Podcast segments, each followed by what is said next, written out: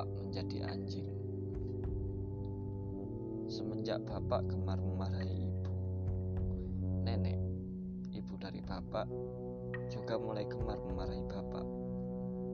Dan semenjak nenek gemar memarahi bapak, bapak tak pernah lagi pulang ke rumah. Kata ibu, bapak telah berubah menjadi anjing yang dipelihara seorang perempuan muda di rumahnya sendiri, ia selalu sibuk dengan pekerjaan di kantornya. Maka hanya nenek yang paling setia kuajak bermain. Nenek juga selalu tersenyum ketika aku memintanya membuatkan susu atau mie instan. Bahkan ketika berangkat tidur, nenek masih setia menemaniku mendongeng kelinci dan kura-kura sambil mengusap kepalaku pelan-pelan sampai aku benar-benar tertidur. Tapi sekarang nenek sudah tidak bisa lagi melakukan semua itu. Sudah sebulan lebih aku tak bisa bermain lagi dengan nenek. Karena kini nenek hanya bisa terbaring lemas di kasurnya atau sesekali terduduk lesu di atas kursi roda yang didorong ibu. Ketika kutanyakan kepada ibu, apa yang terjadi dengan nenek? Kenapa nenek tak bisa apa-apa lagi? Ibu hanya memejamkan mata beberapa jenak, seperti tengah mengarang sebuah dongeng. Lalu, setelah beberapa jenak, ibu membuka matanya yang sedikit. Lalu ibu mulai bercerita tentang keadaan nenek.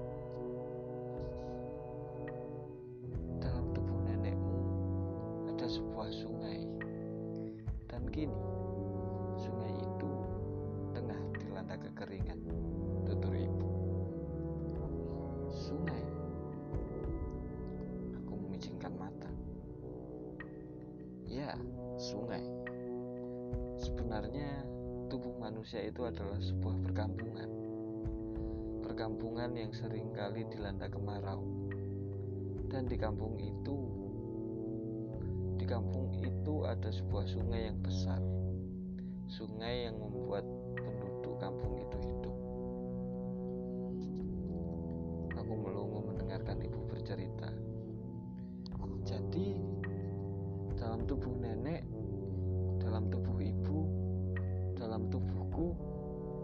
Sungai yang mengalir. Benar sekali. Balas ibu mantap.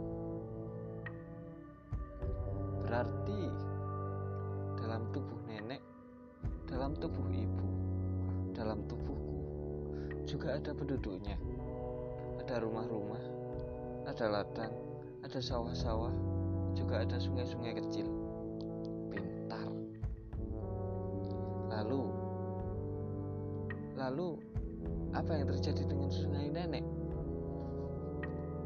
Seperti yang sudah ibu ceritakan, Sungai di tubuh nenekmu sedang dilanda kekeringan, hampir tidak mengalir lagi. Jadi orang-orang yang ada di dalam tubuh nenek kekurangan air. Bisa dibilang begitu. Mereka kehausan. Tentu saja. Bukan cuma itu. Bahkan ladang-ladang dan persawahan pun tidak terairi lagi. Dan kau tahu, apa yang terjadi jika ladang-ladang dan persawahan itu tidak mendapatkan air? Ladang-ladang akan tandus, sawah-sawah akan kering, lalu padi-padi akan mati. Tanaman-tanaman yang lain pun juga akan ikut mati. Hmm, ya, itulah yang terjadi pada nenekmu. Sekali lagi, memicingkan mata, memperhatikan tubuh nenek yang lunglai di atas kasur. Tubuh nenek memang tampak kering. Rambutnya yang putih merata itu tampak seperti rerumputan di tengah padang Sahara. Kerontang. Biasa melantunkan cerita tampak mengelupas. Dan nenek jelas sekali ia mengalami banyak kesulitan. Bahkan nenek harus mengenakan pampers raksasa karena tak bisa berjalan ke kamar mandi sendiri. Semenjak sungai di tubuh nenek mengalami kekeringan, ibu mulai meluangkan banyak waktu di rumah mengurus nenek. Sesekali, Bude, kakak perempuan dari bapak, berkunjung untuk menjenguk nenek. Setiap kali Bude datang, Bude selalu saja menangis sambil menyebut-nyebut nama bapak dengan penuh amarah. Bude seperti mengutuk bapak. Bude sendiri sebenarnya sangat sibuk, tapi ia masih sudi menyempatkan waktu untuk menjenguk nenek. Membantu ibu menyuapi nenek, menungguinya tidur, atau mengganti popok. Aku sendiri tak bisa berbuat apa-apa kecuali berdoa. Karena kata ibu, satu-satunya hal yang bisa kulakukan untuk membantu nenek adalah berdoa. Maka diam-diam, acap kali aku mengumumkan doa supaya musim hujan dalam tubuh nenek lekas turun dan mengguyur semua yang kekeringan. Sehingga sungai di tubuh nenek lekas mengalir. Para penduduk kampung di tubuh nenek tak mengalami kekurangan air lagi. Ladang-ladang dan sawah-sawah segera terairi dan tumbuh subur lagi. Tapi bicara tentang para penduduk kampung, ladang-ladang dan sawah-sawah, mendadak ada hal yang ingin kutanyakan pada ibu. Bu, aku menjawil lengan ibu yang tengah duduk di sebelah nenek dan menyuapinya dengan semangkuk bubur. Ya, ibu menoleh sekilas. Kalau sungai di tubuh tak mengalir lagi, para penduduk kampung, ladang, dan persawahan itu akan benar-benar mati ya. Begitulah balas ibu sekenanya. Apakah itu berarti nenek juga akan ikut mati? Ibu terdiam. Ia masih sibuk menyuapi nenek, seperti tidak mendengar pertanyaanku. Iya, Bu. Iya apanya? Ibu mengelap bubur yang belepotan di bibir nenek dengan sapu tangan. Nenek akan benar-benar mati. Ketika ibu memalingkan tubuhnya ke arahku, mendadak nenek mengumumkan nama bapak berkali-kali. Gumaman lirih yang tertatih-tatih. Kemudian nenek mengguncang-guncangkan tubuhnya sendiri hingga kepalanya melorot dari bantal. Selimut yang membaluri tubuhnya turut berantakan. Nenek terus menggumam. Gumaman yang semakin keras dan tidak jelas. Ibu hanya terdiam memandangi tubuh nenek yang seperti mengejang. Melihat mata ibu mulai memerah, aku turut terdiam. Malam itu hanya ada kami bertiga di rumah.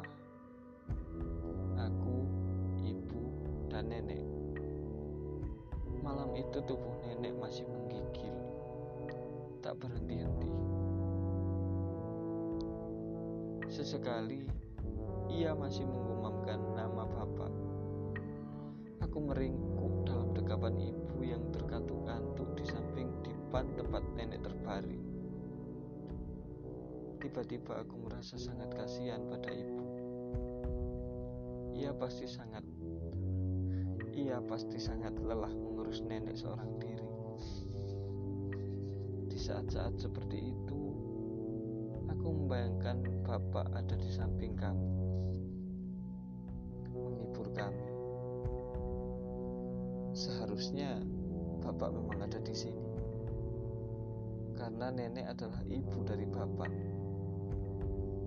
Tapi rasa-rasanya harapan seperti itu adalah harapan yang muspro.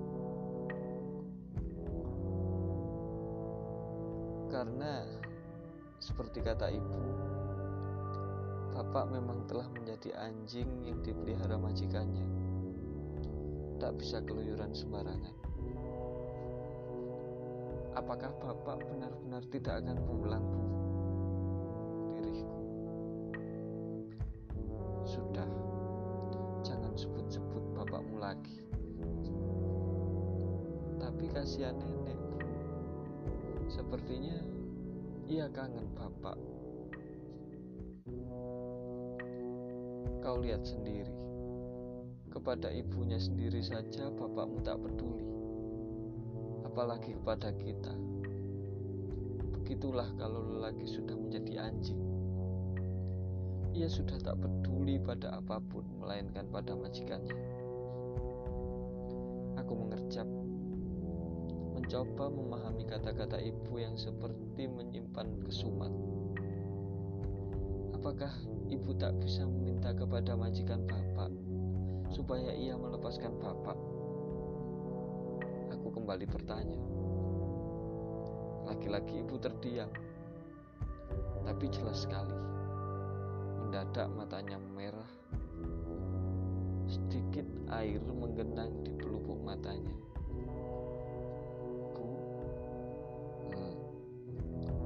Ibu terdengar lesu dan muram. Kalau memang bapak tidak mau pulang, tidak apa-apa. Ibu masih membisu. Kini ia mulai memejamkan kedua matanya yang lengket. Kalau ibu mengantuk, ibu tidur saja. Biar aku yang menjaga nenek, tersenyum, tapi matanya masih terpejam. Aku janji, Bu. Aku tak akan mau jadi anjing siapa pun. Supaya aku bisa terus menemani ibu setiap saat. Aku kembali berbisik. Ibu merapatkan dekapannya. Aku turut terdiam dalam dekapan ibu. Sangat sepi. Nenek pun tampaknya sudah terlampau pulas. Matanya juga terpejam. Meski tarikan napasnya terdengar sangat berat. Dalam diam yang panjang itu, aku pun turut terkantuk-kantuk. Dalam kantuk itulah, aku seperti melihat tubuh nenek berubah menjadi sebuah perkampungan perkampungan yang sangat sepi, perkampungan yang kerontang dan mati. Di sana, aku melihat seekor anjing yang berjalan terseok-seok karena kehausan. Anjing itu mengendus tanah-tanah kering yang ia susuri, hingga ia terkapar dengan napas tersengal dan lidah menjulur-julur. Masih dalam keadaan setengah sadar dan setengah tidur, aku bertanya-tanya, apakah anjing itu adalah bapak? Malang, 5 Juli 2019